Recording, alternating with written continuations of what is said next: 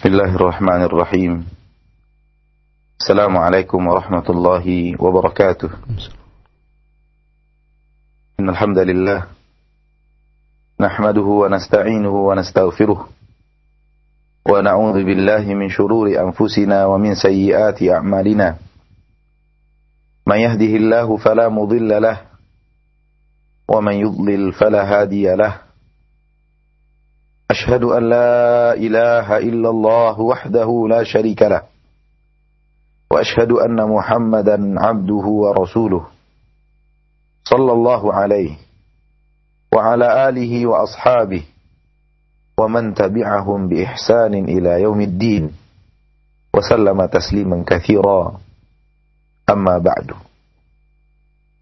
معاشر المسلمين والمسلمات Ikhwani wa akhawat Rahimani wa rahimakumullah.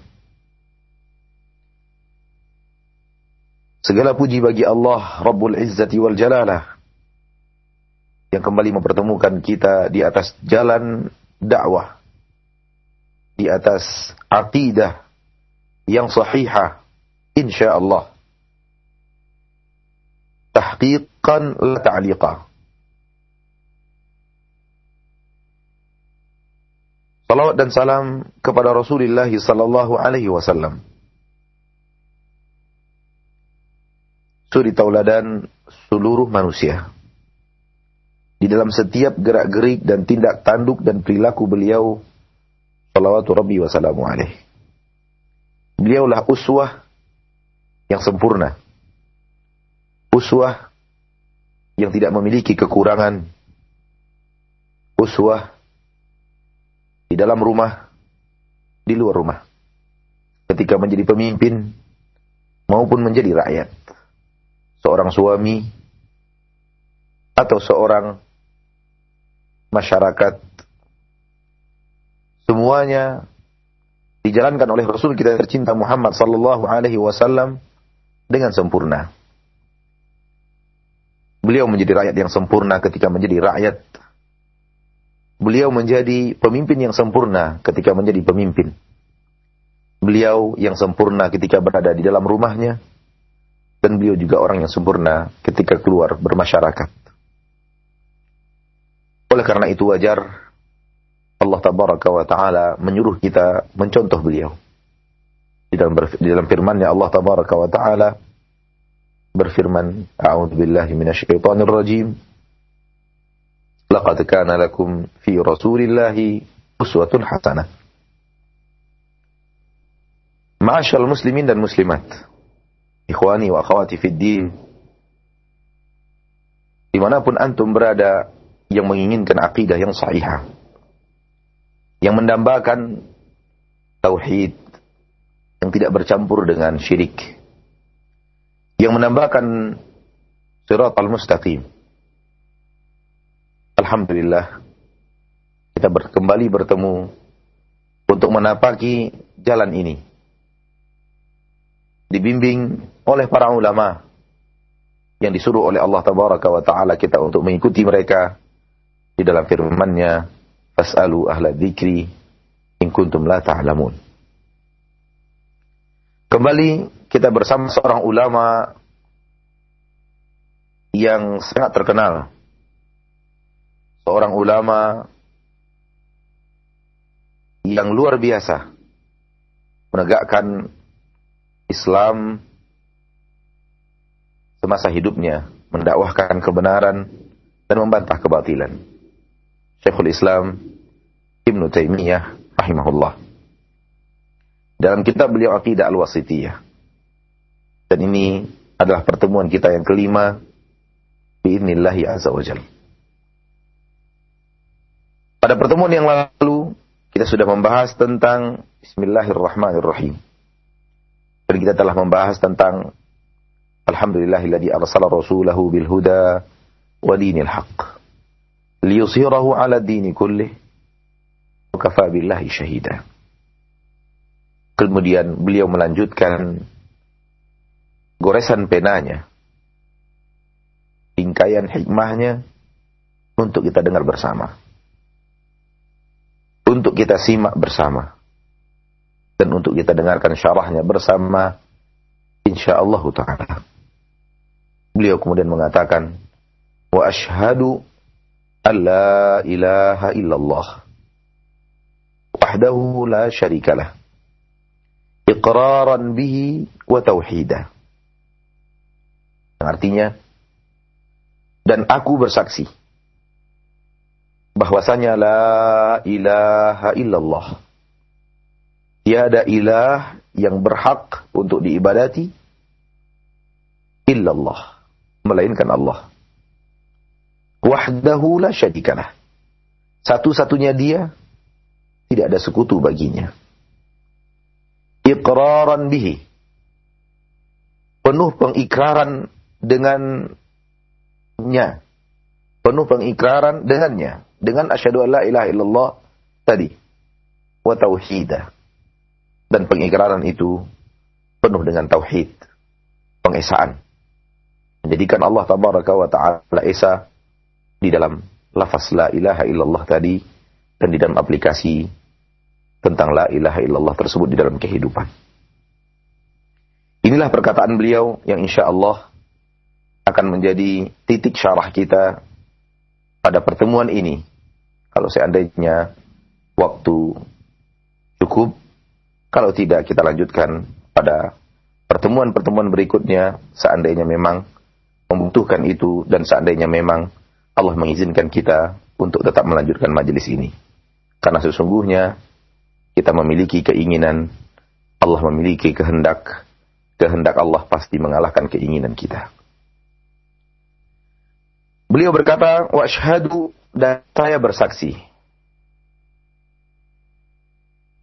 Bersaksi dengan lisan.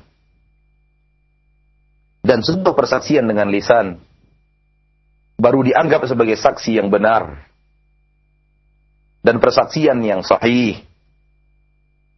Apabila apa yang diucapkan oleh lisan tersebut, apa yang dipersaksikan oleh lisan tersebut, itulah yang sebenarnya ada di dalam dada.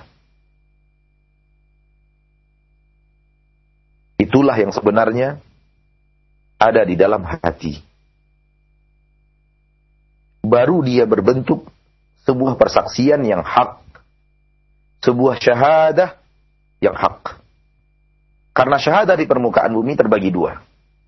Syahadatul hak dan syahadatul zur syahadah yang hak dan syahadah yang palsu. Kapan dikatakan syahadah sebagai syahadah yang hak? Apabila yang disyahadahkan, yang dipersaksikan, sesuai dengan apa yang ada di dalam dada. Selaras, seimbang, sejalan dengan apa yang ada di dalam dada. Itu syahadatul hak.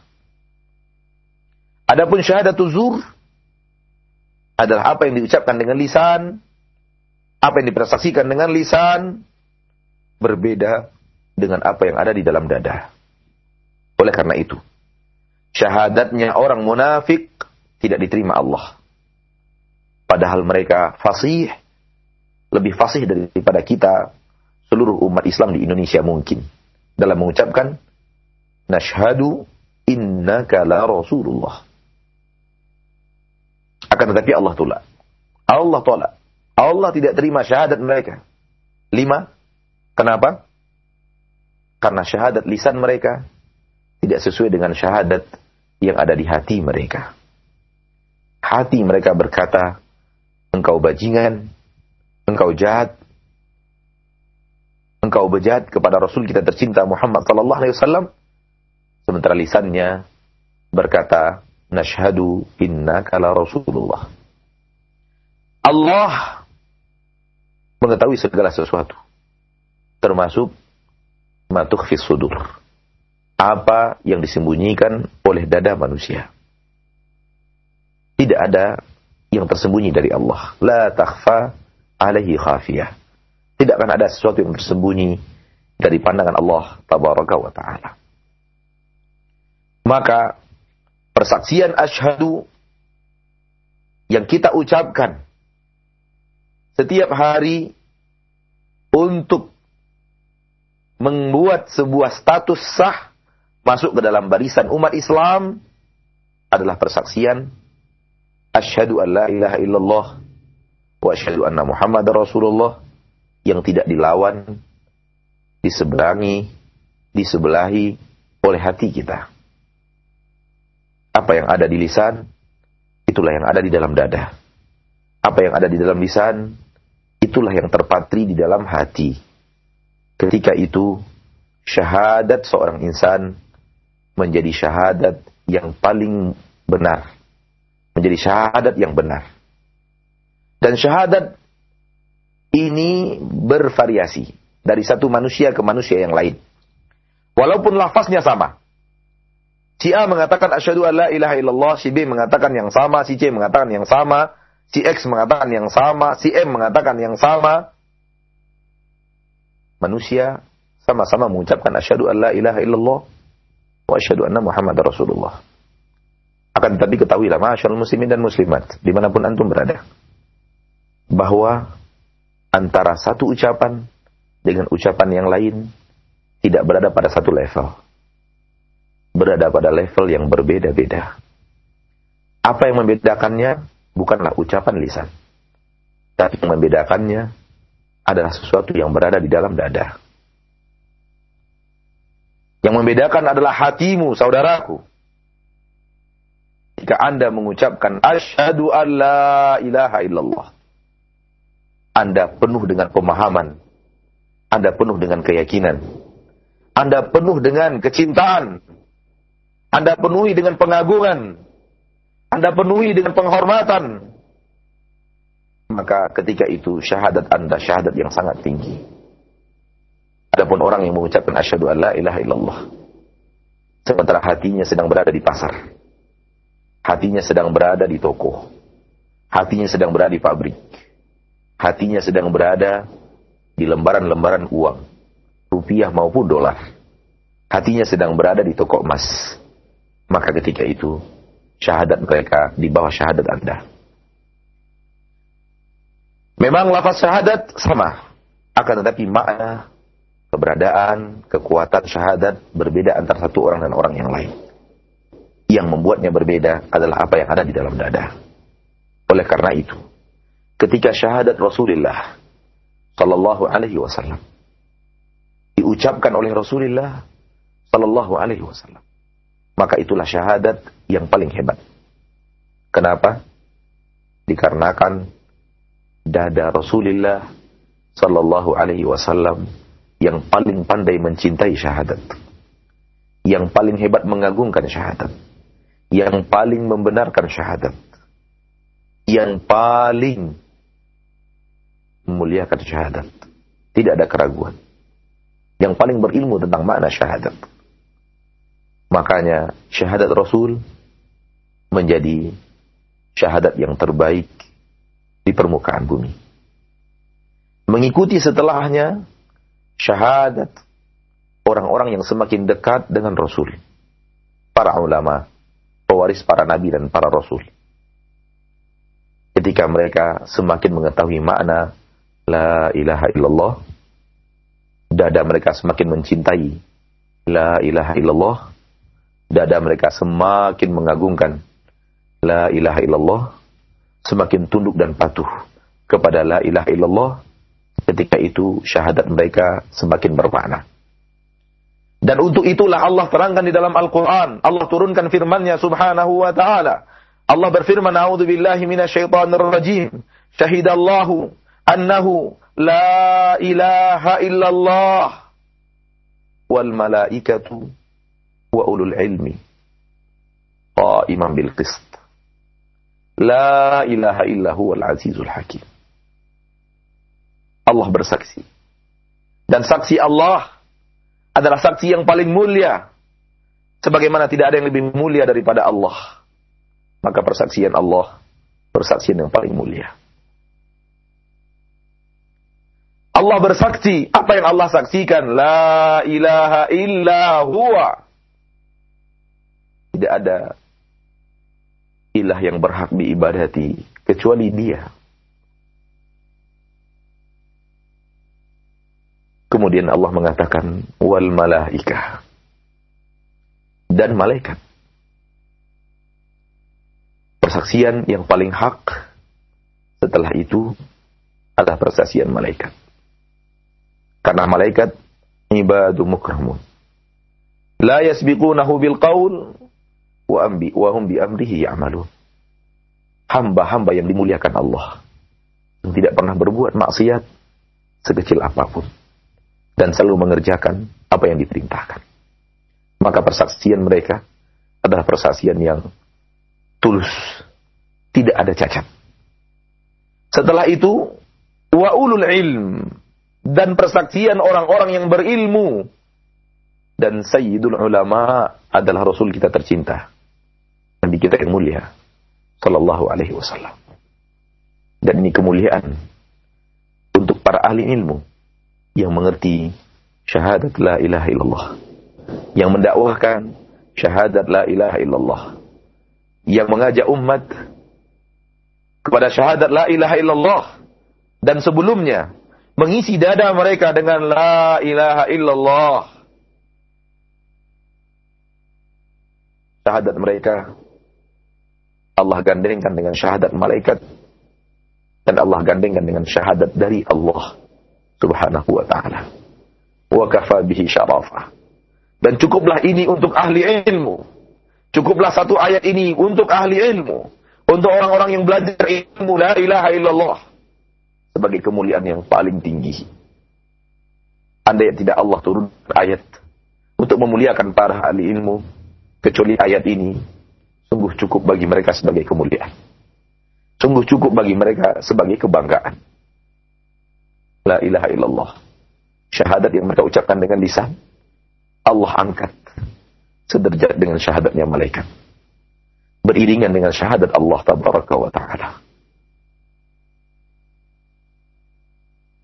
Maka ketika kita mengucapkan, ketika Anda mengucapkan asyhadu alla ilaha illallah hadirkan ilmu tentang la ilaha illallah di dalam dada Anda. Hadirkan kecintaan terhadap la ilaha illallah. Hadirkan ketaatan terhadap la ilaha illallah hadirkan kepatuhan terhadap la ilaha illallah. Ketika itu, syahadat Anda akan melambung ke langit. Sejajar dengan sejajar dengan syahadatnya para malaikat. Akan tetapi, ketika Anda melafazkannya, dan Anda tidak tahu artinya, tidak tahu maknanya, tidak mengerti konsekuensinya, yang Anda tahu hanya lafaz, maka itu syahadat Anda akan bergerak sedikit sejauh tingkat keyakinan Anda tersebut. Namun apabila lidah Anda mengucapkan asyhadu an la ilaha illallah, hati Anda melakukan hal yang berseberangan dengan la ilaha illallah. Anda mengucapkan la ilaha illallah, hati Anda terpaut di kuburan wali keramat. Hati Anda, lisan Anda mengucapkan la ilaha illallah. Hati Anda terpaut di pasir kiai keramat. Hati Anda mengucapkan la ilaha illallah. Lisan Anda mengucapkan la ilaha illallah. Hati Anda terpaut di tangkal dan jimat. Lisan Anda mengucapkan la ilaha illallah. Namun hati Anda terpaut di keris-keris keramat, di cincin-cincin keramat. Boleh jadi ucapan la ilaha illallah Anda tidak punya arti sama sekali. Tidak punya makna sama sekali. Kenapa? Karena hati Anda berbeda dengan apa yang Anda lafazkan. Hingga syahadat Anda syahadat zuhur. Persaksian palsu.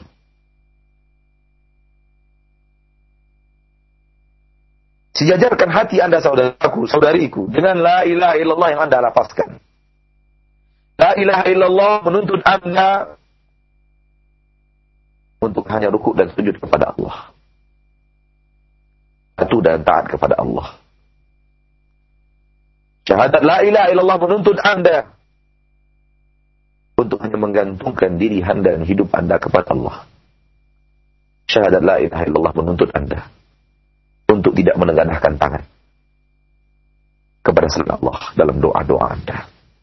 Syahadat la ilaha illallah menuntut anda untuk tidak mengambil berkah dari pohon mana pun, kuburan mana pun, batu keramat mana pun, sumur keramat mana pun. La ilaha illallah.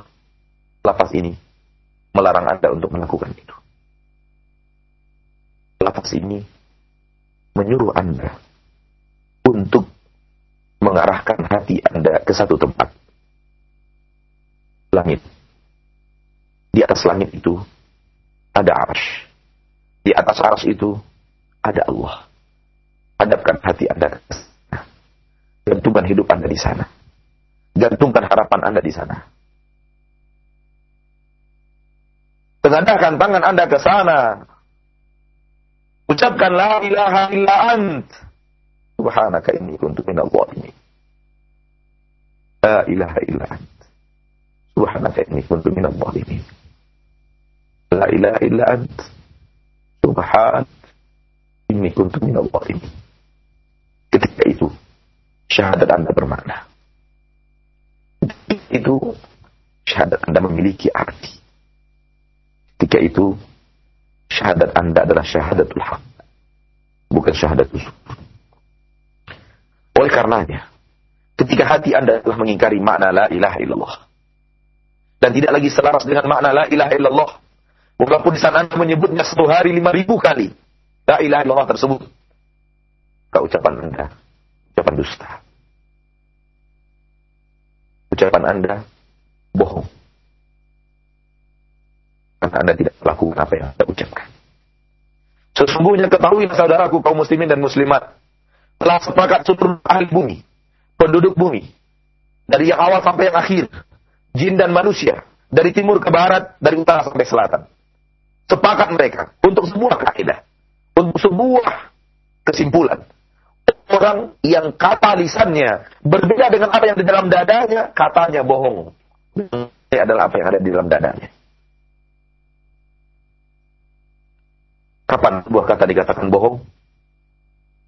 Kapan sebuah kata dikatakan dusta? Satu hal. Disepakati oleh seluruh penduduk bumi. Di saat apa yang di dalam dadanya berbeda dengan apa yang dia lafazkan. Ketika itu, yang bohong bukan dada Anda. Namun yang bohong adalah lisan Anda. Di sinilah fahamnya kita firman Allah tabaraka wa ta'ala di dalam surat Yusuf. Allah berfirman, "Wa ma yu'minu aktsaruhum billah illa wa hum musyrikun." Yang beriman kepada Allah, kata mereka, namun mereka mengiringi perbuatan iman mereka itu dengan mereka juga berbuat syirik. Syirik ada di dalam dada mereka, iman ada di lisan mereka. Sebagian iman ada di dalam dada mereka, sebagian syirik ada di dalam dada mereka. Dan apabila iman sudah berhadapan dengan syirik, maka yang akan menang adalah syirik. Bukan menang karena dia kuat. Bukan menang karena dia hebat bukan menang karena dia memiliki kekuatan luar biasa. Namun dia menang dan iman mundur dikarenakan satu hal. Allah, Rob yang ada ruku dan sujud kepadanya, paling tidak suka disekutukan. Paling benci kesyirikan. Tidakkah Anda mendengar Rob Anda berfirman di dalam hadis Qudsi yang sahih diriwayatkan oleh Imam Muslim. Rasul Anda Shallallahu Alaihi Wasallam meriwayatkan dari Allah Tabaraka wa Taala. Allah berfirman, Ana aghna syuraka'i an syirk. Man amil amalan asyraka fihi ma'i ghairi taraktuhu wa syirka. Aku adalah zat yang paling kaya atas segala persekutuan. Aku zat yang paling tidak suka disekutukan. Aku adalah Rob yang tidak mau disekutukan sedikit pun. Karena memang yang berbuat adalah Allah. Kenapa Anda sekutukan Allah dengan sesuatu? Karena yang mengatur adalah Allah. Kenapa Anda sekutukan Allah dengan sesuatu? Karena yang memberi rezeki Anda adalah Allah. Kenapa Anda sekutukan Allah dengan sesuatu? Karena yang mengatur hidup Anda adalah Allah. Yang mendatangkan manfaat dan mudarat dari diri Anda adalah Allah. Dia berhak untuk tidak mau disekutukan. Karena dia satu-satunya yang berbuat. Subhanahu wa ta'ala. Yudabbirul amr. Dialah yang mengurus mengurus seluruh urusan. Namun, Anda sekutukan ia dengan sesuatu. Ia yang menciptakan, Anda yakini ada pencipta selain dia. Dia yang menurunkan hujan, Anda yakini tukang pawang, pawang hujan yang telah menurunkan hujan. Dia yang menahan hujan di langit, Anda yakini tukang pawang, pawang hujan yang telah menahan hujan di langit. Dia yang mendatangkan rezeki kepada Anda, Anda yakini mendatangkan rezeki itu adalah kuburan keramat. Dia yang mendatangkan pelanggan yang ramai di toko Anda, konsumen yang banyak dan suka belanja di toko Anda. Dia yang melakukannya. Allah. Namun Anda yakin pelanggan itu datang karena pangkal Anda yang hebat. Berasal dari seorang dukun yang hebat. Allah tidak mau disekutukan. La ilaha illallah. Ana agna syuraka ya. Aku, kata Allah, Dengarkan kata Rob Anda. Aku tidak mau disekutukan. Man amila amalan. Barang siapa mengamalkan sebuah amalan. Ashraka fihi ma'ya ghairi. Di dalam amalan itu, ia sekutukan aku dengan sesuatu. Taraktuhu wa syirkah. Aku tinggalkan dia dan sekutunya tadi. Aku tinggalkan dia dan apa-apa yang dia sekutukan aku dengannya. Syirik menang bukan karena dia hebat. Syirik akhirnya mengalahkan iman. Karena iman harus menjadi iman yang bersih. Sebagaimana Allah tabaraka wa taala tidak mau disekutukan. Maka ketika seorang manusia, pria wanita, pria ataupun wanita, tua ataupun muda, kecuali yang belum mukallaf, melakukan kesyirikan kepada Allah tabaraka wa taala maka imannya seketika itu lenyap. Status Islamnya seketika itu gugur. Kalau syirik itu adalah syirik besar kalau syirik yang dilakukan adalah syirik kecil pahala ibadahnya ketika itu lenyap walaupun ibadahnya besar walaupun ibadahnya hebat akan lenyap akan hilang akan sirna Bukan karena ria itu hebat, namun karena Allah tidak mau disekutukan. Pahami ini kaum muslimin dengan baik. Camkan dia dengan dalam di dada Anda. Karena sesungguhnya banyak orang yang tidak faham. Banyak orang yang tidak mengerti. Walaupun mereka melafazkan la ilaha illallah dalam kehidupan mereka sehari-hari. Bahkan mereka melafazkannya dengan keras. Berjamaah 10 menit. Seribu kali setelah sholat maghrib. Seolah-olah mereka adalah ahli tauhid. Seolah-olah mereka adalah orang yang paling mencintai tauhid. Namun amalan mereka yang bid'ah menunjukkan mereka yang belum mengerti ilmu tauhid. Mereka yang belum mengerti ilmu ketundukan dan kepatuhan kepada Allah. Tabaraka wa ta'ala. Itu semua tidak menjadi dalil itu semua tidak menjadi argumentasi bahwa mereka lah ahli tauhid. Apabila dada mereka tidak mengerti makna la ilaha illallah. Apabila dada mereka tidak mencintai la ilaha illallah. Apabila hati mereka tidak seiring dengan apa yang mereka ucapkan la ilaha illallah. Maka alaskan hati Anda dengan ucapan Anda. Ketika itu syahadat Anda akan bermakna. Ketika itu syahadat Anda akan didengar. Tapi naudzubillah la qaddarahullah. Kita berselindung kepada Allah. Dan semoga Allah tidak mentakdirkannya di dalam hidup kita. Kita terjerumus ke dalam dosa syirik. Syirik yang kita maksud syirik besar.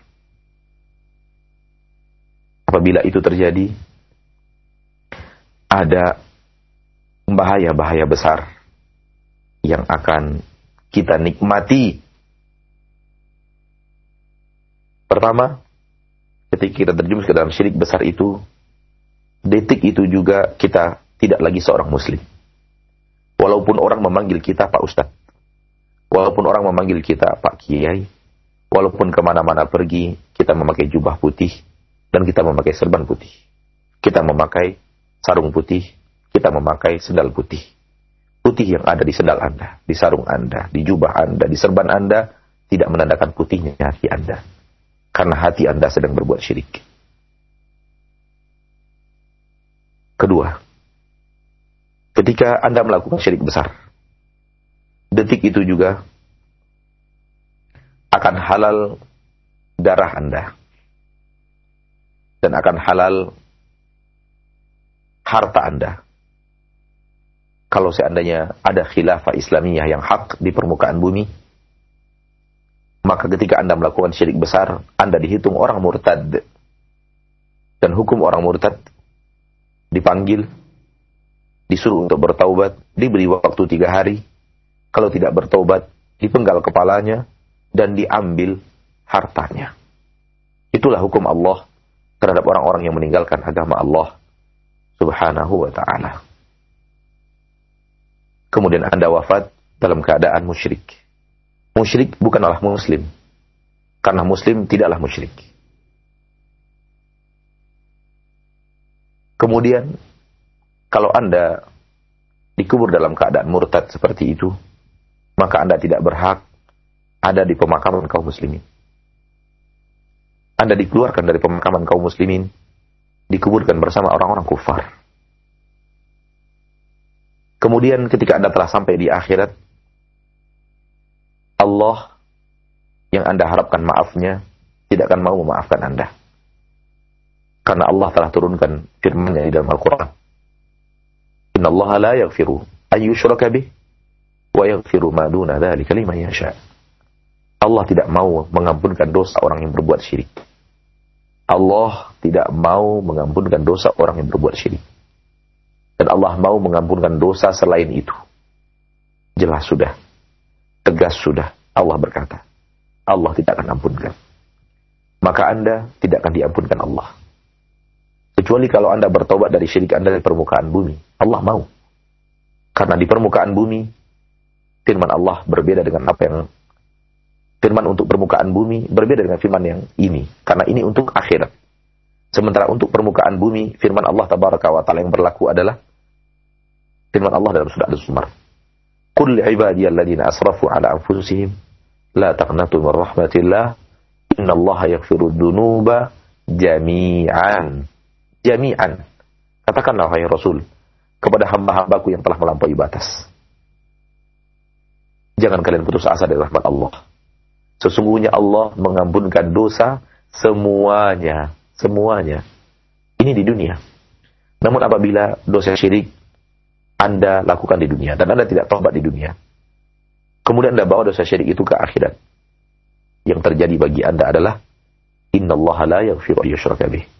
Allah tidak akan pernah mengampunkan dosa orang yang datang kepadanya dan membawa dosa syirik.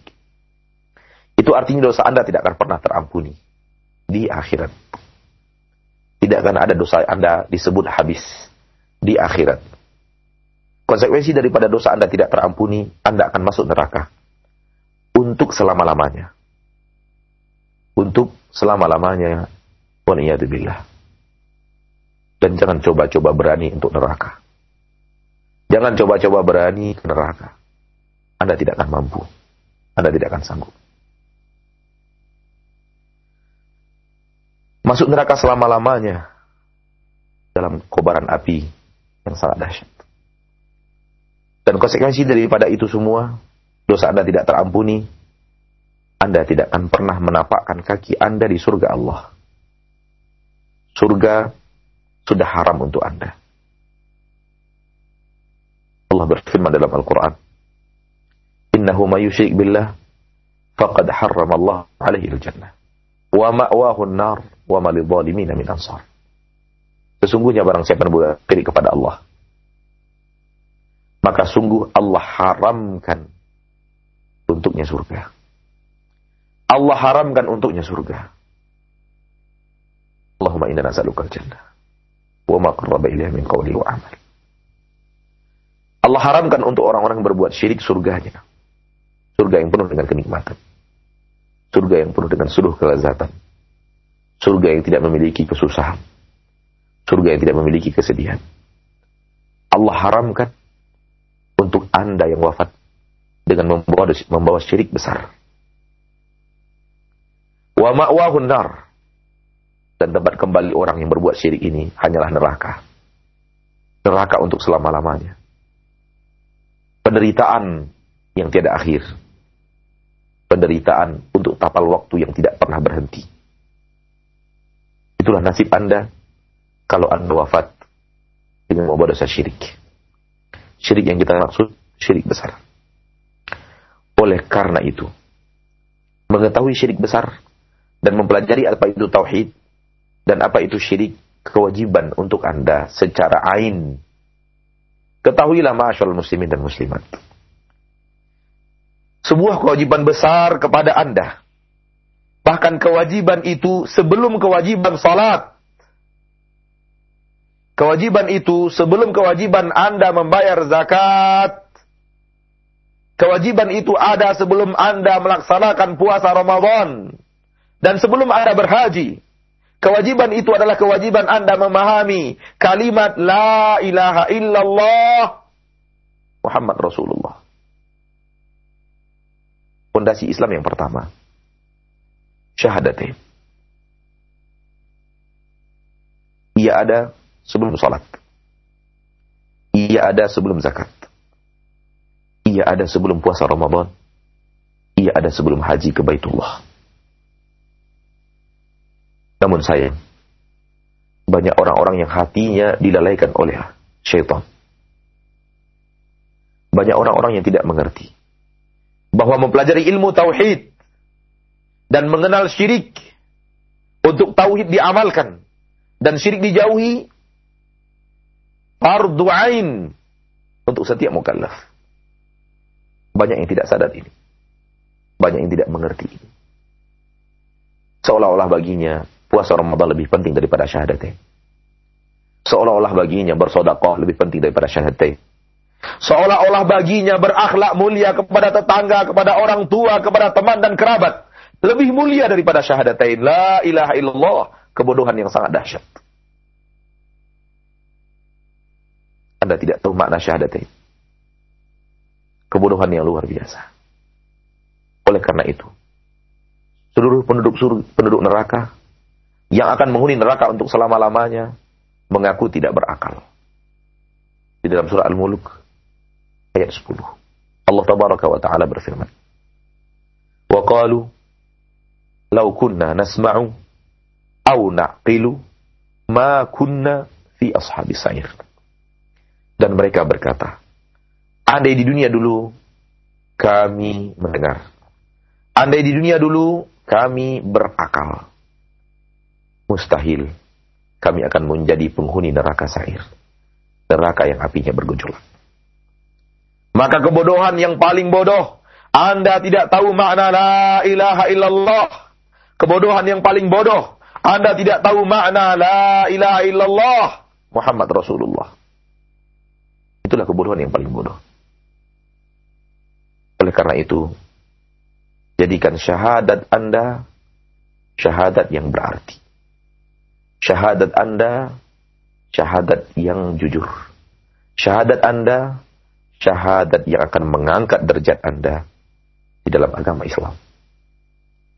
Mungkin hanya sekian dulu yang bisa kita sampaikan. Semoga Allah tabaraka wa taala Rabbul Izzati wal Jalalah penguasa langit dan bumi menjadikan kita golongan orang-orang yang memahami la ilaha illallah Muhammad Rasulullah dan mengamalkannya dalam kehidupan kita sehari-hari. Amin. Ya Rabbal Alamin. Ya, saya syukur jazakallahu khair. Barakallahu fiik para ustaz dan demikian ikhwatal iman rahimanillah wa iyyakum pendengar radio yang dan uh, pendengar uh, radio yang relay siaran kami di mana pun anda berada materi yang disampaikan oleh Al Ustad Mauludi Abdullah Hafizullah Ta'ala dari pembahasan syarah akidah wasitiyah dan mudah-mudahan bermanfaat bagi kita semua dan selanjutnya kita akan uh, buka sesi tanya jawab dan untuk pertanyaan-pertanyaan yang akan kami ajukan hanya melalui pesan singkat. Jadi bagi anda yang ingin bertanya melalui telepon kami mohon maaf mohon maaf untuk sementara ini. Uh, kami pending terlebih dahulu. Dan untuk pertanyaan yang pertama Ustaz ada penanya kita yang uh, sudah melihamkan pertanyaannya dari Firman Syah Assalamualaikum warahmatullahi wabarakatuh. Barakallahu Waalaikumsalam warahmatullahi wabarakatuh Fikum barak Ustaz, apakah setiap orang yang ingin masuk Islam syahadatnya harus disaksikan oleh orang lain? Silakan Ustaz. Baik persaksian orang lain atau tidak bukanlah syarat untuk masuk Islamnya seseorang. Walaupun itu sangat dibutuhkan. Namun syarat sah, syahadat tidak. Karena yang penting bagi Anda, Anda mempertontonkannya kepada Allah. Ketika hati dan lisan Anda selaras, sejalan, dan tidak berbeda.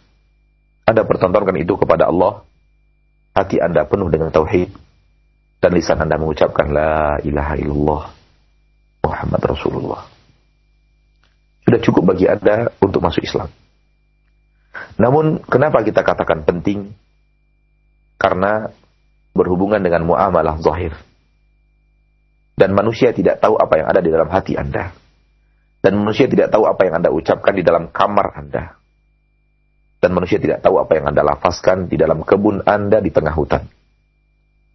Sehingga manusia mungkin akan merasa Anda masih orang kafir. Anda masih orang musyrik. Anda masih majusi. Anda masih Nasrani. Anda masih Yahudi. Anda masih yang lainnya dan yang lainnya. Sehingga muamalah mereka kepada Anda akan seiring dengan apa yang mereka ketahui tentang Anda. Makanya kenapa persaksian manusia itu penting supaya Anda pun diperlakukan sebagai seorang muslim di permukaan bumi.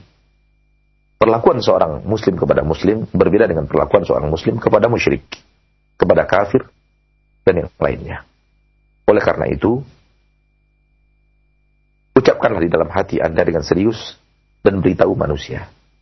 Akan manusia bisa merangkul Anda sebagai saudaranya seiman dan seakidah.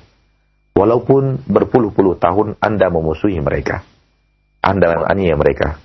Anda mencaci maki mereka. Namun ketika Anda melafazkan la ilaha illallah, saudara Anda seiman dan seakidah akan merangkul Anda dengan penuh kecintaan. Allah a'lam. Ya, uh, terima kasih banyak atas jawabannya dan selanjutnya ada pertanyaan kembali dari hamba Allah yang berada di Gunung Putri Bogor.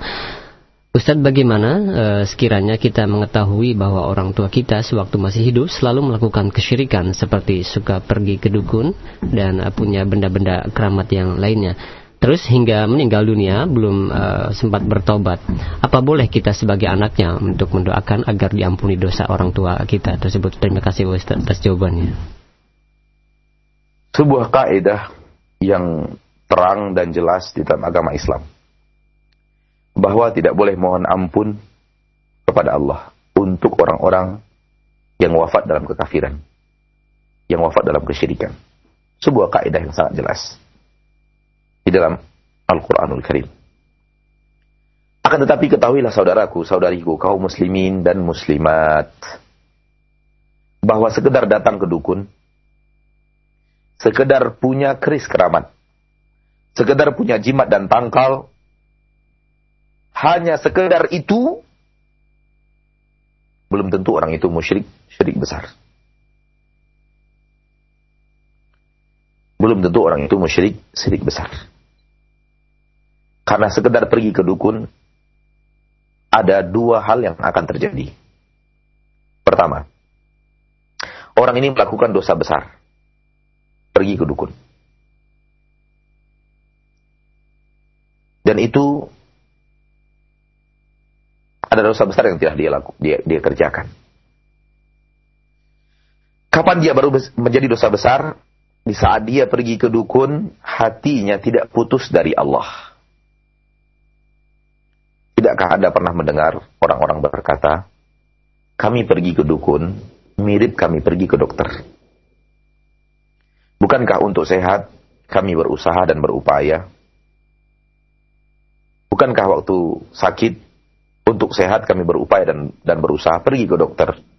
Menanya ramuan-ramuan, bertanya tentang ramuan-ramuan, bertanya tentang obat-obatan, bertanya tentang resep.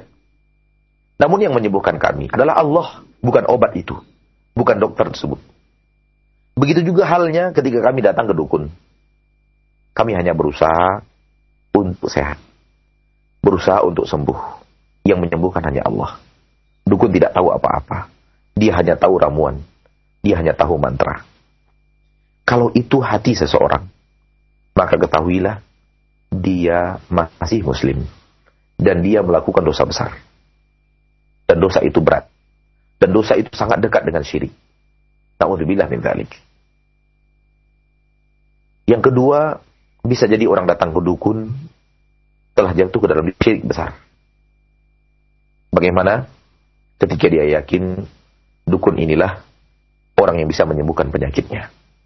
Ketika hatinya penuh yakin, dukun ini orang sakti mandraguna, bisa mendatangkan manfaat, bisa menolak bahaya, bisa mendatangkan pelanggan-pelanggan hebat, bisa mendatangkan keamanan dan kenyamanan dalam rumah kita, bisa mendatangkan kebahagiaan, ketentraman di dalam hati.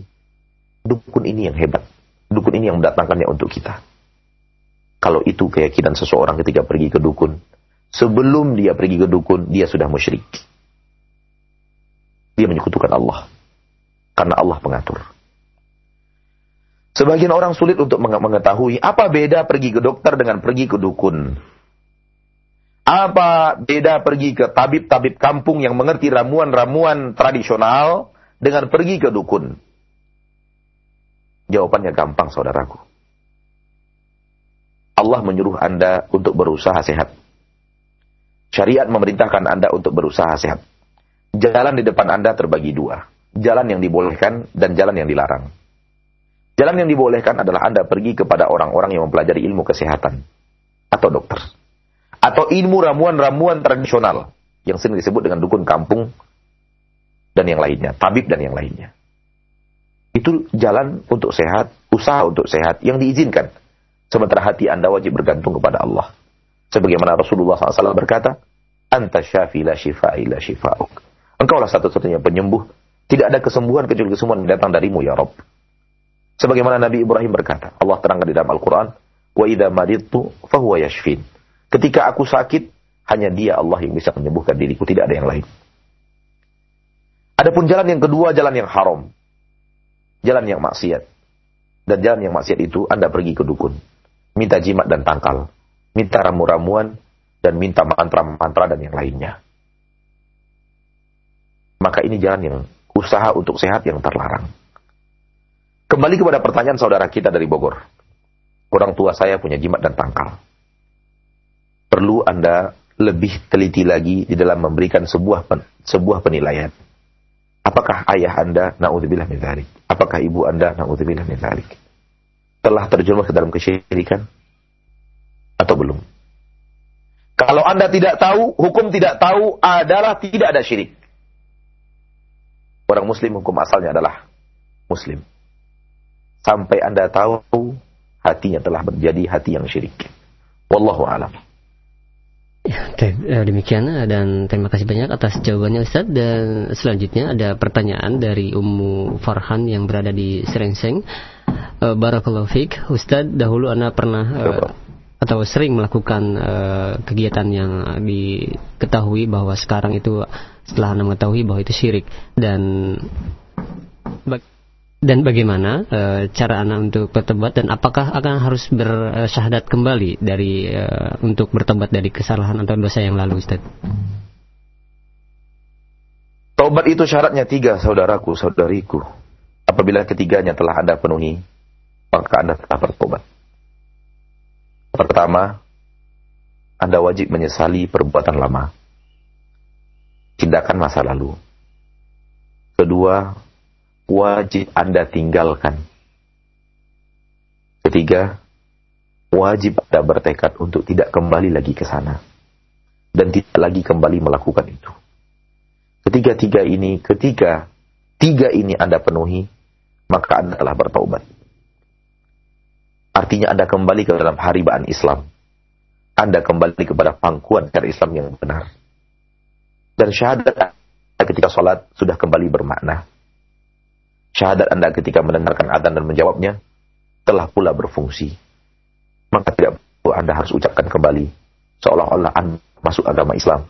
Asyhadu an la ilaha illallah wa asyhadu anna Muhammad Rasulullah. Anda awalnya muslim, Anda terjebak dalam kesyirikan. Ketika kesyirikan Anda hilangkan, Anda kembali muslim. Wallahu a'lam. Ya, baik terima kasih atas jawabannya Ustaz dan selanjutnya ada pertanyaan kembali dari Abdullah yang berada di Bogor.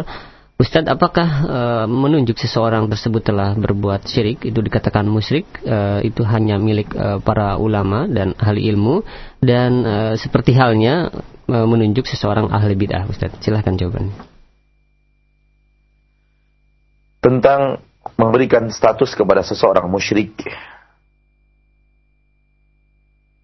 milik orang yang tahu apa itu syirik. Apa itu syirik besar? Dan orang tersebut telah menasehati pelakunya. Dan dia telah menjawab seluruh argumentasi pelakunya dan mematahkan argumentasi itu. Sehingga argumentasi pelaku syirik kosong. Hilang. Kekuatan argumentasinya yang selama ini menghantui perasaannya, menghantui ilmunya, menyerang pola pikirnya, telah Anda hancurkan dengan hujah yang kuat. Ketika itu telah terjadi, berhak Anda, siapa pun. Walaupun Anda tidak berlabar ulama. Walaupun Anda tidak dianggap orang ahli ilmu. Tapi Anda mengerti apa itu syirik. Dan Anda telah tegakkan hujah kepada orang yang Anda lihat melakukannya. Dan Anda telah jawab hujahnya sehingga patah hujah tersebut. Anda berhak menempelkan label musyrik kepada orang tersebut. Demikian juga halnya dengan bid'ah. Wallahu a'lam. Ya, syukur jazakallahu atas jawabannya dan selanjutnya ada pertanyaan kembali dari beberapa penanya, uh, penanya kita di antaranya dari OP di uh, Bekasi. Ustadz, uh, kami melihat di beberapa uh, media baca dan di beberapa televisi bahwa uh, arti dari la ilaha illallah itu diartikan dengan uh, tiada Tuhan selain Allah. Apakah makna ini sudah mencakup dua rukun syahadat, Ustadz?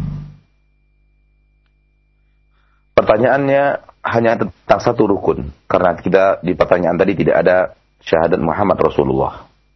Oleh karena itu pertanyaannya saya rubah apakah telah memenuhi syarat satu rukun, bukan dua rukun. Ketika orang mengartikan la ilaha illallah dengan kalimat tiada Tuhan selain Allah. Pendapat saya untuk antum semuanya di mana pun antum mendengar suara ini, barakallahu fikum bahwa saya secara pribadi tidak tahu sebenarnya apa makna yang sebenarnya tentang kalimat Tuhan dalam bahasa Indonesia. Dan saya selalu mencari dan berusaha mendapatkan seorang ahli bahasa Indonesia. Apa sebenarnya makna Tuhan dalam bahasa Indonesia? Karena Tuhan diberikan kepada Allah. Tuhan juga diberikan kepada yang lainnya Tuhan juga diberikan kepada patung-patung. Tuhan juga diberikan kepada sesuatu yang tidak jelas, tidak tampak dan tidak ketahuan. Wujudnya tidak ada. Sosoknya tidak ada di permukaan bumi, tidak pernah terlihat. Yang ada adalah patung-patungnya. Mereka semua dikatakan Tuhan. Sehingga kita tidak tahu. Saya orang yang lemah dalam bahasa Indonesia secara detail tidak tahu sebenarnya apa maksud daripada Tuhan. Oleh karena itu, untuk saat ini saya menghimbau diri saya sendiri dan menghimbau saudara-saudari kita kaum muslimin dan muslimat, kembalilah kepada makna yang lebih dekat kepada makna bahasa Arabnya. Makna bahasa Arab ilah adalah ma'bud yang diibadati. Yang diibadahi. Itulah makna ilah dalam bahasa Arab. Dari kata-kata alihaya lahu. Dari kalimat itulah berdatang datangnya kalimat Allah lafzul jalalah dalam salah satu pendapat terkuat ahli ilmu. Allah adalah yang ilah, yang diibadati. Oleh karena itu, saya menghimbau kita untuk menerjemahkannya dengan mengucapkan, tiada yang berhak diibadati dengan benar, kecuali Allah. Karena yang diibadati manusia banyak. Ada idah ilah yang diibadati secara batil, ada ilah-ilah yang diibadati secara batil dan kebohongan, dan ada ilah yang hak, yaitu Allah Tabaraka wa Ta'ala. Maka terjemahan yang paling sempurna adalah, La ma'budah bihaqqin illallah. Tidak ada yang diibadati secara benar kecuali Allah Tabaraka wa Ta'ala. Mudah-mudahan kalimat singkat ini bermakna wallahu a'lam. Ya, terima kasih banyak Ustaz dan uh, masih ada waktu Ustaz untuk satu pertanyaan terakhir. Tafadhol. Ya, ada pertanyaan dari Abu Rozan di Bumia Gara. Uh, Barakallahu fikum Ustadz bagaimana uh, agar istiqomah dalam dan di tengah-tengah kondisi iman yang turun naik serta kehidupan yang penuh pasang surut ujian uh, pasang surut ujian musibah dan sebagainya. Jazakallahu khairan. Assalamualaikum warahmatullahi wabarakatuh. Silakan Ustadz diulangi. Mohon diulangi. Iya. Uh, Ustadz bagaimana agar kita dapat beristiqomah dalam ketauhidan di tengah-tengah kondisi iman yang turun naik serta kehidupan yang penuh dengan uh, pasang surut ujian, musibah dan sebagainya. Jazakallah khair. Saudaraku, saudariku kaum muslimin dan muslimat. Iman tidak boleh hilang dalam diri Anda. Asul iman, pondasinya iman harus tetap ada di dalam dada ketika Anda mengakui hanya Allah yang wajib diibadati. Hanya Allah yang wajib tempat kita berdoa.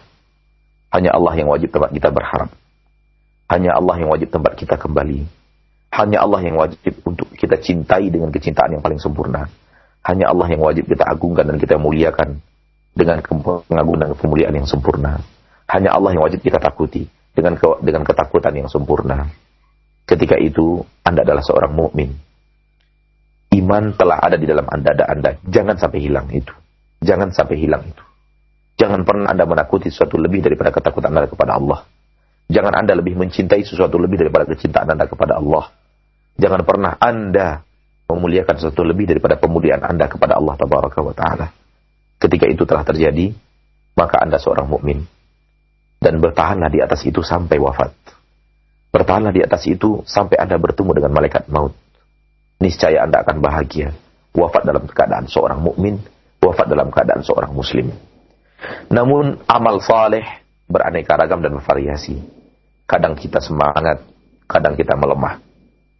Dan itu amal soleh itu akan memperkuat kualitas iman dan akidah Anda. Oleh karena itu, berusahalah untuk senantiasa memeningkatkan amal soleh agar keimanan di dada Anda semakin meningkat, agar keimanan di dalam Anda semakin bertambah. Dan jauhi maksiat. Karena maksiat itu menggerogoti kualitas amal saleh. Dan ketika amal saleh berkurang, akan surang juga kualitas daripada keimanan.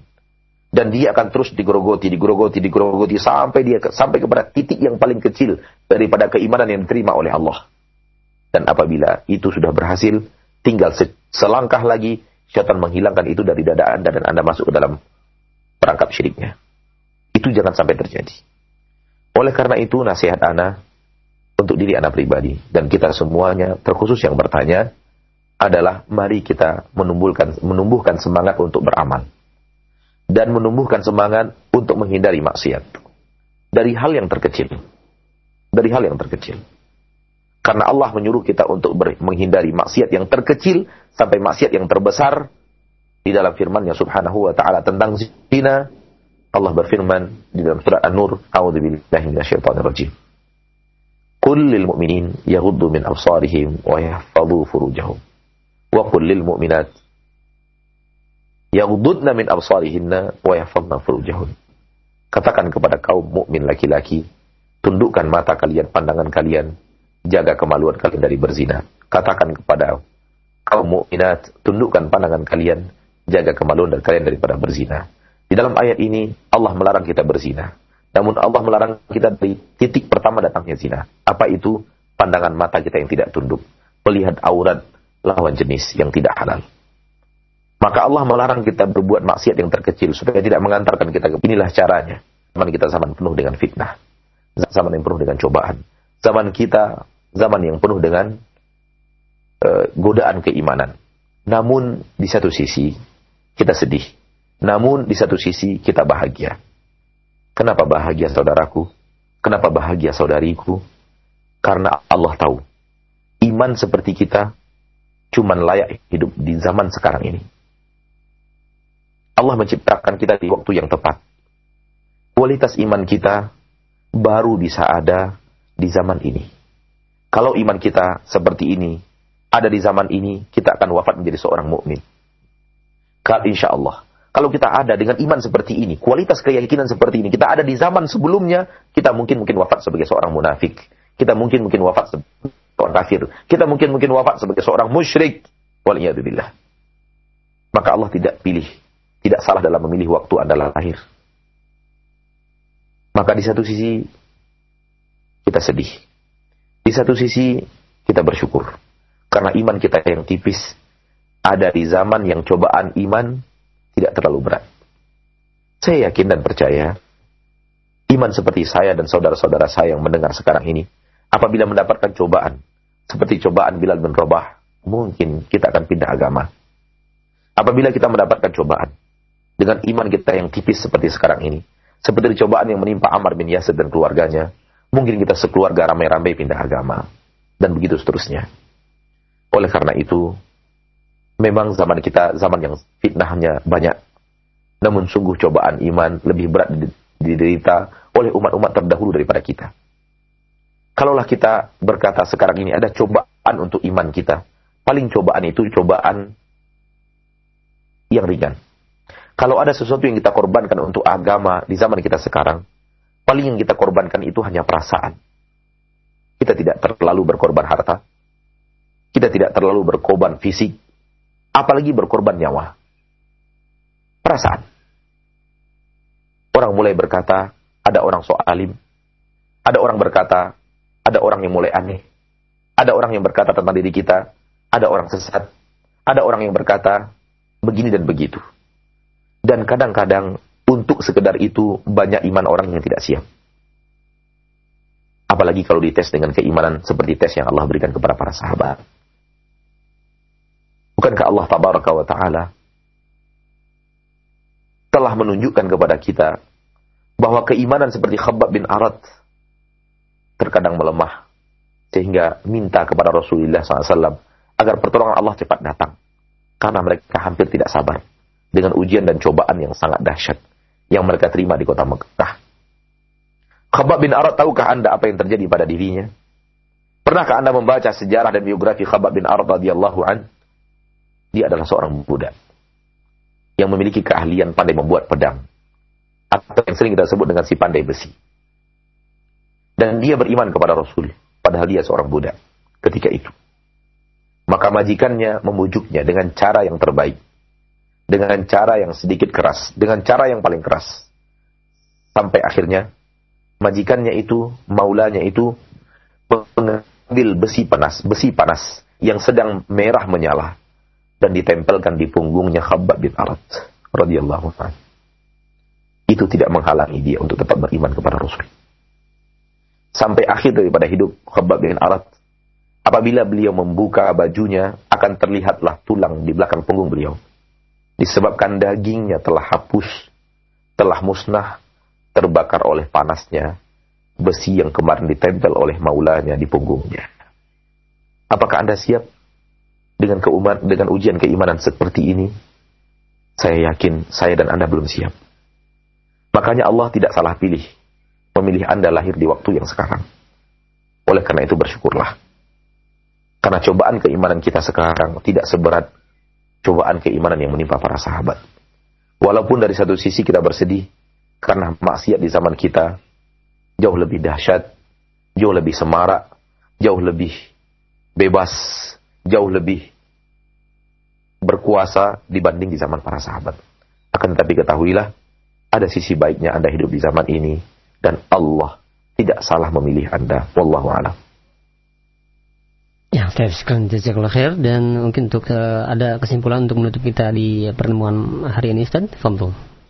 Saudaraku saudariku kaum muslimin dan muslimat, hal yang paling penting yang Anda lakukan di permukaan bumi, wafat menjadi orang mukmin wafat menjadi orang yang bersaksi asyhadu alla ilaha illallah wa asyhadu anna muhammad rasulullah Pertahankan ini sampai akhir hayat Anda. Dengan cara apa?